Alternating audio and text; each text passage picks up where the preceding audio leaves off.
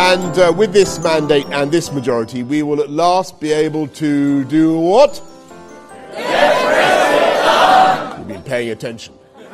Get Brexit done var Storbritannias statsminister Boris Johnsons slagord etter at han fikk jobben for litt over et this år siden. I think we put an end to all those miserable threats of a second referendum. Og for tida pågår de aller siste forhandlingene mellom Storbritannia og EU. For brexit, det er ikke over. Så hva er egentlig situasjonen nå? Forferdelig dårlig. Eh, Det er faktisk helt krise. Eh, I forrige uke så ble den sjuende forhandlingsrunden avsluttet her i Brussel. Og fortsatt er det ikke i nærheten av noe gjennombrudd. Løsninga vil ha betydning for bl.a. reising, jobb, studier, politisamarbeid, datasikkerhet og transport mellom Storbritannia og resten av Europa. Og i høst er det siste frist. Nå må de bli enige. Det her er forklart fra Aftenposten. Jeg er Marit Eriksdatter Gjelland.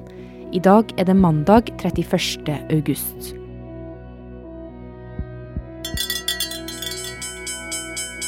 Når jeg tenker på de siste fire årene i livet mitt, så er det ett ord som klinger som en sånn irriterende lyd i bakgrunnen, nemlig brexit.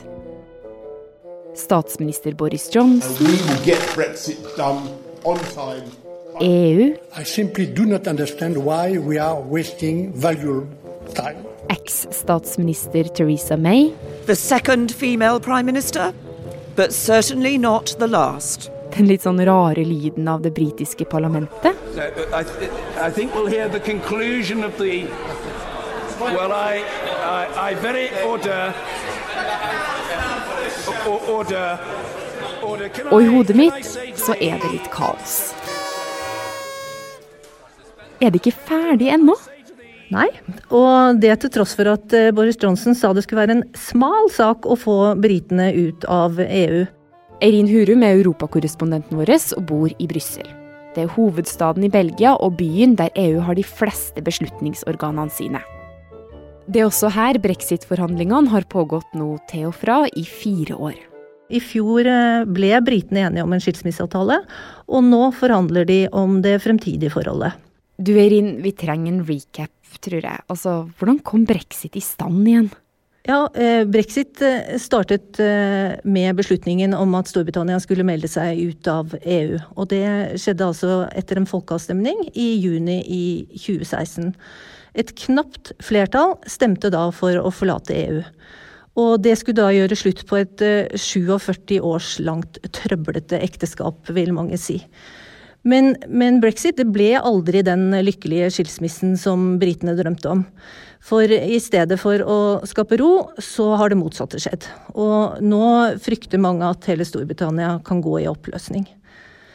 Og i starten, tro det eller ei, så var Storbritannia entusiastiske til EU. Men etter at EU gikk fra å være et økonomisk samarbeid til å bli en politisk union, så eh, surnet forholdet kraftig.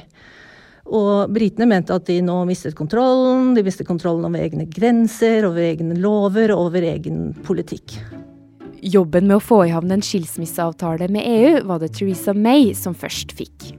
Tre ganger kom hun til det britiske parlamentet med forslag til en avtale, men alle gangene ble hun nedstemt.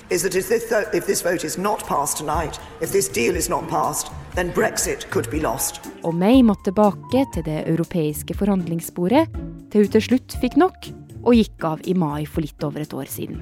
I do so with no ill will, but with enormous and enduring gratitude to have had the opportunity to serve the country I love.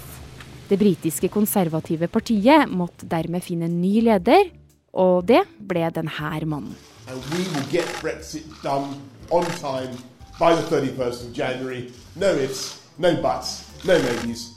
Du vet Boris Johnson med sitt blonde og alltid litt sånn bustete hår. I have every confidence that in 99 days' time we will have cracked it. Å knekke den første brexit-koden, det klarte han også. For EU og Storbritannia ble enige om en skilsmisseavtale, altså en avtale om hvordan løsrivelsen fra EU skulle skje. Og på nyåret så starta brexit. Tonight we are leaving the European Union. For many people, this is an astonishing moment of hope. Og Storbritannia er nå inne i en overgangsperiode som varer fram til 31.12. Eh, de er ute av alle sånn, de sitter ikke i noen eh, interne møter, de stiller ikke opp på noen møter og sånn, men de fortsetter å betale inn til EU, og dette er en overgangsperiode. Så det var først skilsmisseavtale. Så er det et år nå som er en overgangsperiode, og så skal de være formelt 100% ute nå fra, fra altså 1. januar da, i 2021. Og det EU og Storbritannia må bli enige om før den tid, er det fremtidige forholdet. Fire år etter at forhandlingene starta. Fire år eh, etter at denne folkeavstemningen var, så står jo partene fortsatt i en hengemyr. Og de har forhandla nå i hele sommer, eh, og de fleste mener at det har vært en eh, bortkasta sommer. Eh, I vinter derimot så var britene eplekjekke og sa at om ikke hovedtrekkene i en avtale var på plass innen juni, så skulle de reise seg fra forhandlingsbordet og gå. Og da sa Boris Johnson at det er bedre å bruke det siste halve året nå på å forberede britene på en hard landing og legge kriseplaner. Men nå er vi som kjent til slutten av august, og britene de forhandler fortsatt i Brussel. Jeg føler det her er en sånn eh, evig forbannelse over brexit. At, at eh, alt blir forsinka hele tida. Ja, det er riktig. Det er riktig. Men nå er det snart ikke tid til mer forsinkelser. Brexit skjer ved nyttår uansett. Hvordan skal det her gå?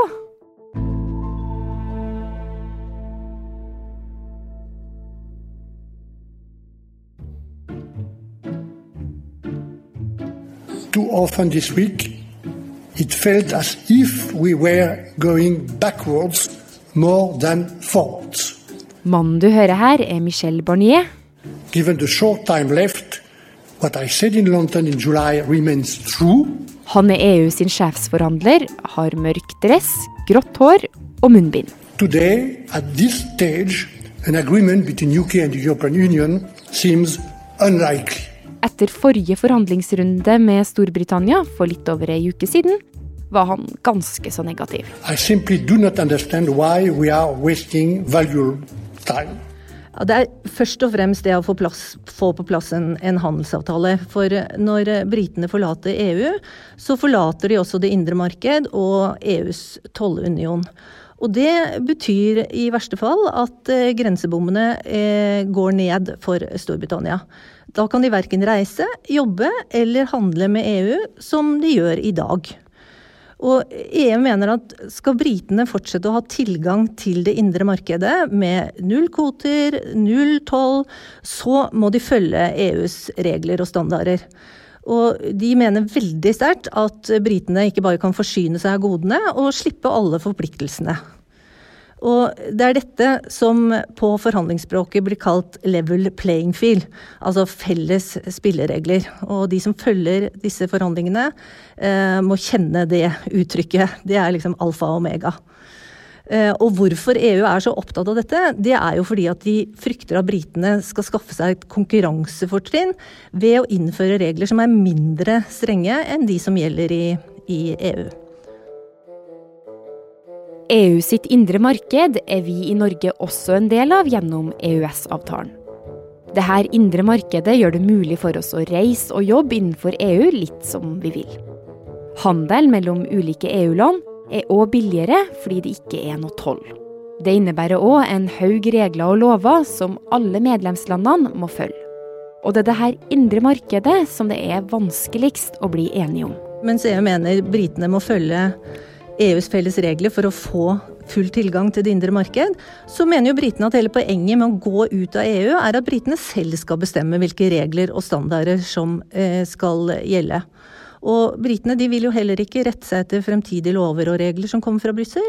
Og de vil heller ikke være underlagt EU-domstolen. Altså I vinter så sa jo Boris Johnson at Storbritannia de vil, ville bryte forhandlingene om, om de ikke var ferdig i juni. Og det er jo to måneder siden, altså hva er det som har skjedd? Ja, vet du hva, Det har rent mye vann i havet siden Boris Johnson var eh, høy og mørk i vinter. Eh, både han og landet ble jo hardt rammet av koronakrisen. nå skal det sies at det har gått bra med Boris. Han er på slankeren. I've always wanted to lose weight for ages and ages, and I, like I think many people, I struggle with my weight, go up and, and down. But since I Og denne uken så ble det også kjent at han har fått en personlig trener. Men utover det har det, gått, eh, har det meste gått fra vondt til verre for eh, Storbritannia. Eh, Den britiske økonomien f.eks. har strammet av alle landene i eurosonen. Og i andre kvartal så krympet økonomien med over 20 eh, dobbelt så mye som, som i eurosonen. Og I tillegg så har Johnson nå fått klare signaler fra det britiske næringslivet om at det er gale-Mathias å gå ut uten en avtale. Og på toppen av det eh, så er det igjen da skottene som skaper trøbbel for, eh, for Johnson. Fordi eh, etter kaoset med brexit så øker igjen tilslutningen til full løsrivelse av Skottland fra Storbritannia. Og det siste Johnson vil, det er å bli statsministeren som forårsaket Storbritannias oppløsning. Så utrygg økonomi som følge av korona og en gryende skotsk nasjonalisme har rett og slett lagt litt ekstra press på den britiske statsministeren. For det er en del som tar det imot å bryte forhandlingene med EU uten å ha på plass en avtale som sikrer tilgang til dette lukrative indre markedet til EU. For uten det kan det både bli dyrere og vanskeligere for britiske bedrifter å handle med Europa. Ja, det, det, viktigste de forhandler om nå, det er å få en ny handelsavtale på plass. Eh, det er også en rekke andre forhold som må reforhandle, som politisamarbeid, datasikkerhet, forskning, varetransport, finansielle tjenester osv. osv. Men, men det mest urovekkende er jo at de, på de tre mest sentrale områdene så står forhandlingene bom fast. Det gjelder EUs krav om at Storbritannia må innordne seg EUs standarder. Som bl.a. EU sine fellesregler for statsstøtte, miljøregelverk og regler for arbeidsmiljø. Og det gjelder Storbritannias motstand mot å være underlagt EU-domstolen. En felles europeisk domstol som passer på at EUs lover blir anvendt og fortolka på samme måte i alle medlemsland. Og det gjelder Storbritannias krav om at EU-fiskere ikke lenger skal få adgang til britiske farvann. For i dag kan fiskere fra EU dra opp torsk og abbor som de vil i britisk farvann. Og det vil EU gjerne fortsette med. Mens britene vil ha helt nye avtaler. De vil nemlig forhandle fram nye fiskeavtaler med EU hvert år, sånn som Norge gjør. Og her står forhandlingene og stamper. Nå neste uke skal de prøve én gang til, og det kan faktisk bli siste forhandlingsrunde før brexit er en realitet 1.1.2021. Så tida, den begynner å renne ut. Nei, eh, nå ser det helt bekmørkt ut, faktisk. Eh, og, og skal, det, skal, det, bli en avtale, så må det rett og slett skje et under. Eller kanskje to.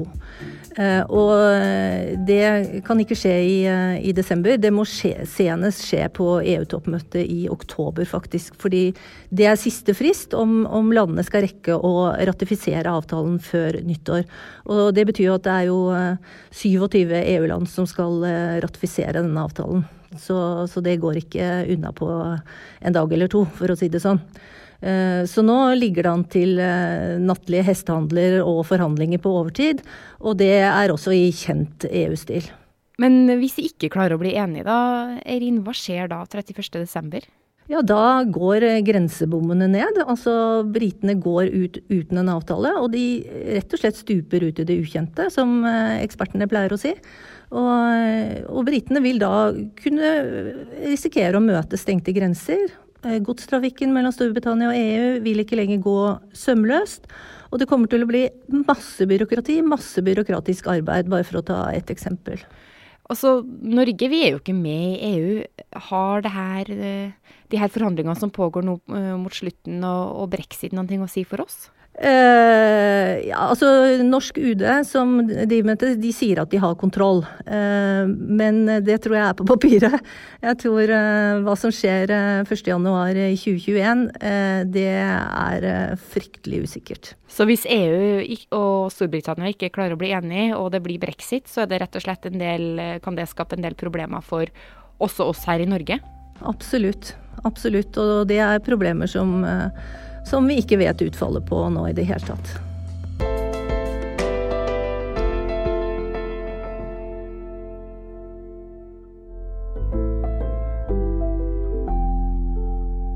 Forklart lages av Caroline Fossland, Fride Næss Nonstad, Anne Lindholm, Andreas Bakkefoss og meg, Marit Eriksdatter Gjelland. I denne episoden har du hørt lyd fra de britiske konservativets YouTube-kanal, nyhetsbyrået AP og VGTV.